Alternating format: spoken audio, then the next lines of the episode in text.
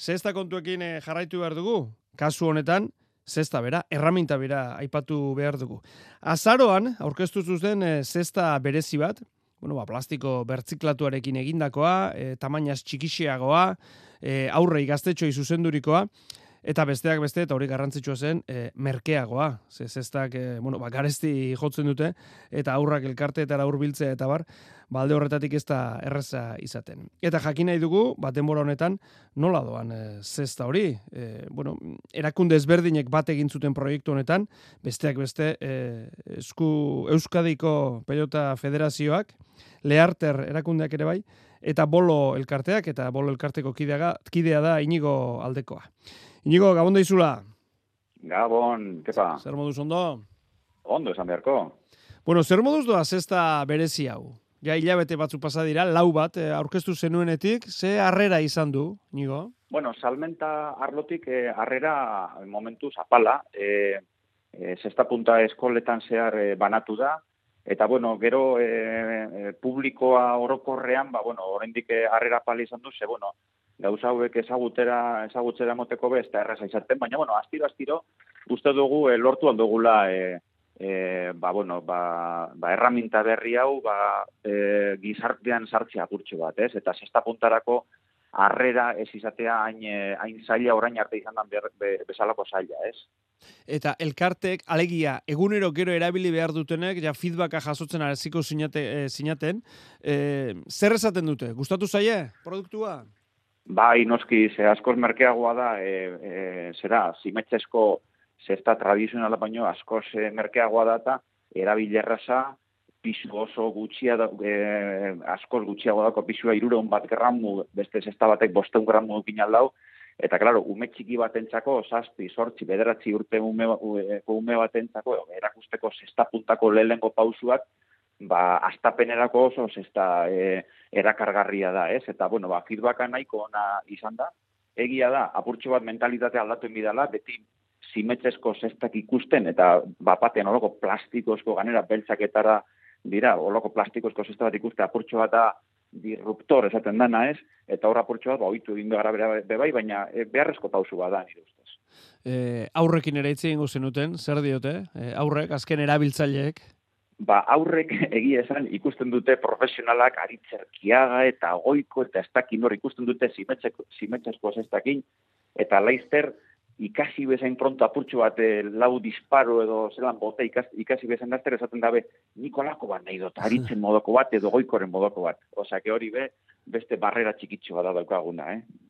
Horrexegatik besteak beste, ba pasaden e, astean, bueno, bideotxo bat egin zenuten aritzerkiaga agertzen zena besteak beste, e, pixka bat, e, bueno, barrera oztopo txiki hori gainditze aldera, ez da? Bai, bueno, federakuntzak e, e, garatu eban bideo hori, eta bueno, emaitza ikusi dugu, eta oso, oso posi eta egia esan, ba hor ikusten da ez, aritzerkiaga eta helenak partu artezabien hartu ebien bideo hortan, eta hor ikusten da zelan eurek, ba, zesta tradizionalagaz jolasten da, baina umeak ba hartzen dabe ba zesta barria, ez? Eta bueno, ari ez da dineten esaten da bideo hortan eta ari ez da dineten, ba bueno, olako gauzak egin beharko dira.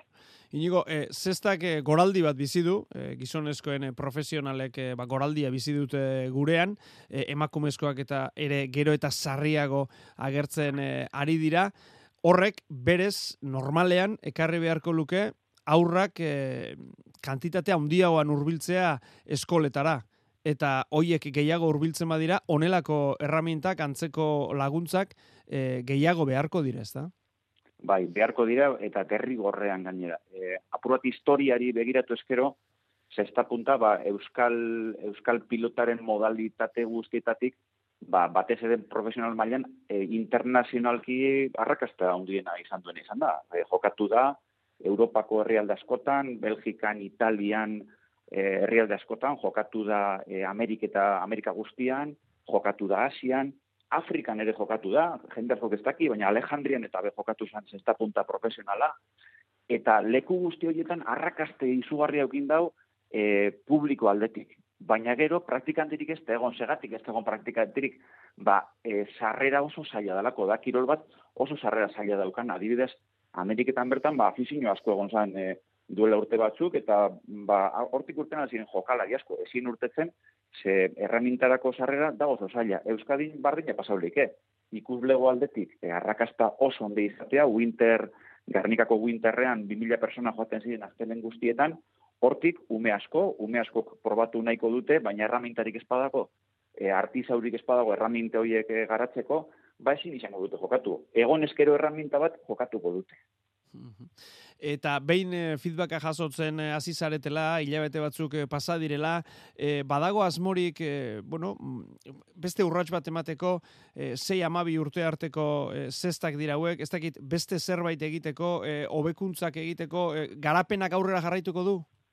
Asmoa, e, asmo guztia dago aurrera jarraitzeko, gero, ba bueno, zailtasuna pe badauz, eh, ze hau da, bueno, gu danok gara bolondresak, gu berez e, bolonari garenoke, e, bolondrezak gara gutxi gora bera Durangoko zesta klubeko e, parteide batzu gara, eta bueno, e, gure denpora libre hau hobi bat baino ez da, gero federakuntzako jentea bepa dago apur bat sartute, eta bueno, elkarlan egiten dugu, ba hori lehartiker esan duguna, ez? Markinako lehartikerrekin, ikateko parte da lehartiker, eta bueno, euren laguntza beha osatzen dugu, baina holako edo zein proiektutarako behar dena da e, e, inbertsioa ze proiektuak berak ez dauka retornorik. E, olako zestak saltzen ez dago hain merkatu ondirik eta ez dago retornorik orduen izen dira ba, apurtxo bat, e, apostu bat izen bihar da, ez? El, elkarteen eta apostu bat izan behar da. Guk jarri aldo denpora, baina gutxi gehiago, ez? E, ez dago atzetik e, negoziorik orduan.